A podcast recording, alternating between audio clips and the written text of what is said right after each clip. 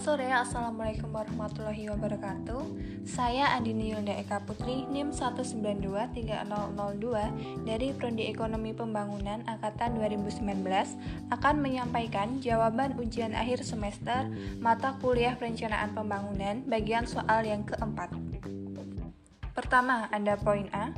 Sebutkan dokumen-dokumen perencanaan pembangunan daerah. Apa saja fungsi dari dokumen tersebut serta jelaskan. Untuk dokumen perencanaan pembangunan sendiri ada tiga dokumen, yaitu yang pertama ada RPJP daerah yang berfungsi sebagai berikut. Pertama ada roadmap atau peta arah pembangunan daerah 20 tahun ke depan.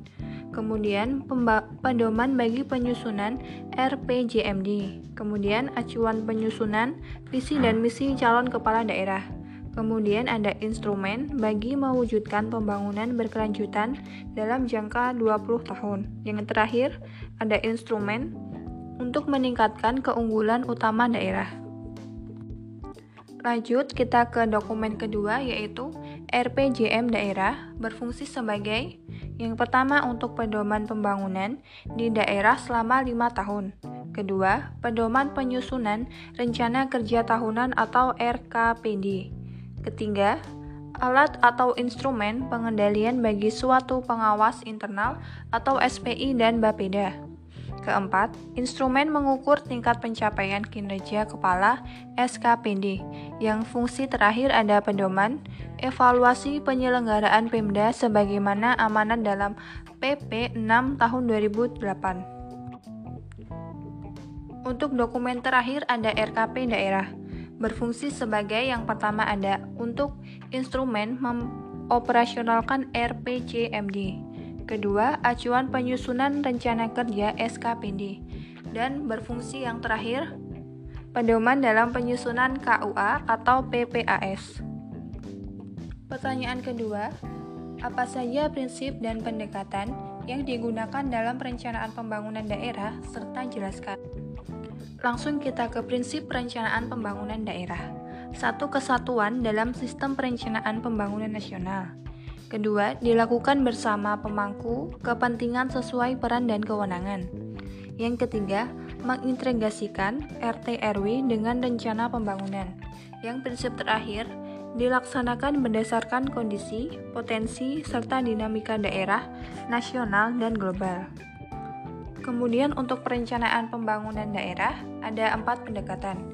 Yang pertama ada politik, merupakan penjabaran dari agenda-agenda pembangunan yang ditawarkan KDH terpilih. Kedua ada pendekatan teknokratik, menggunakan metode dan kerangka pikir ilmiah. Ketiga ada pendekatan parsipatif yang melibatkan semua pemangku kepentingan. Pendekatan terakhir ada top down dan bottom up. Diselaraskan melalui musyawarah nasional provinsi, kabupaten atau kota, kecamatan, dan desa. Pertanyaan ketiga, poin C, jelaskan dengan baik gambar 4.1 pada soal. Gambar pada soal merupakan skema bagaimana tentang penyusunan sebuah dokumen perencanaan pembangunan yang dimulai dengan RPJPD dan RPJPN yang berjangka waktu selama 20 tahun, kemudian ke RPJMD dan RPJMN yang berpedoman kepada Renstra KL maupun Renstra SKPD dengan jangka waktu masing-masing 5 tahun. Dan selanjutnya, RPJMD dan RPJMN tadi dijabarkan menjadi RKPD dan RKP. Kemudian RKPD tadi dijabarkan lagi menjadi KUA dan PPAS. KUA sendiri merupakan kepanjangan dari Kebijakan Umum APBD dan PPAS kepanjangan dari prioritas dan platform anggaran sementara. Nah, kita akan berpindah kepada Renja SKPD yang tadi berpedoman kepada Renstra SKPD, tadi akan menjadi RKA SKPD atau singkatan dari Rencana Kerja dan Anggaran Satuan Kerja Perangkat Daerah itu akan menghasilkan TAPD, merupakan singkatan dari Tim Anggaran Pemerintahan Daerah. Untuk TAPD ini berpedoman kepada penyusunan RKA sampai ke SKPD, tentunya dengan nota kesepakatan DPRD dan kepala daerah. Dengan jangka waktu sekitar selama satu tahun.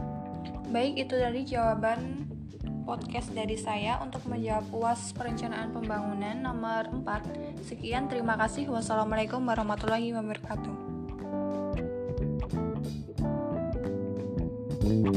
Thank you.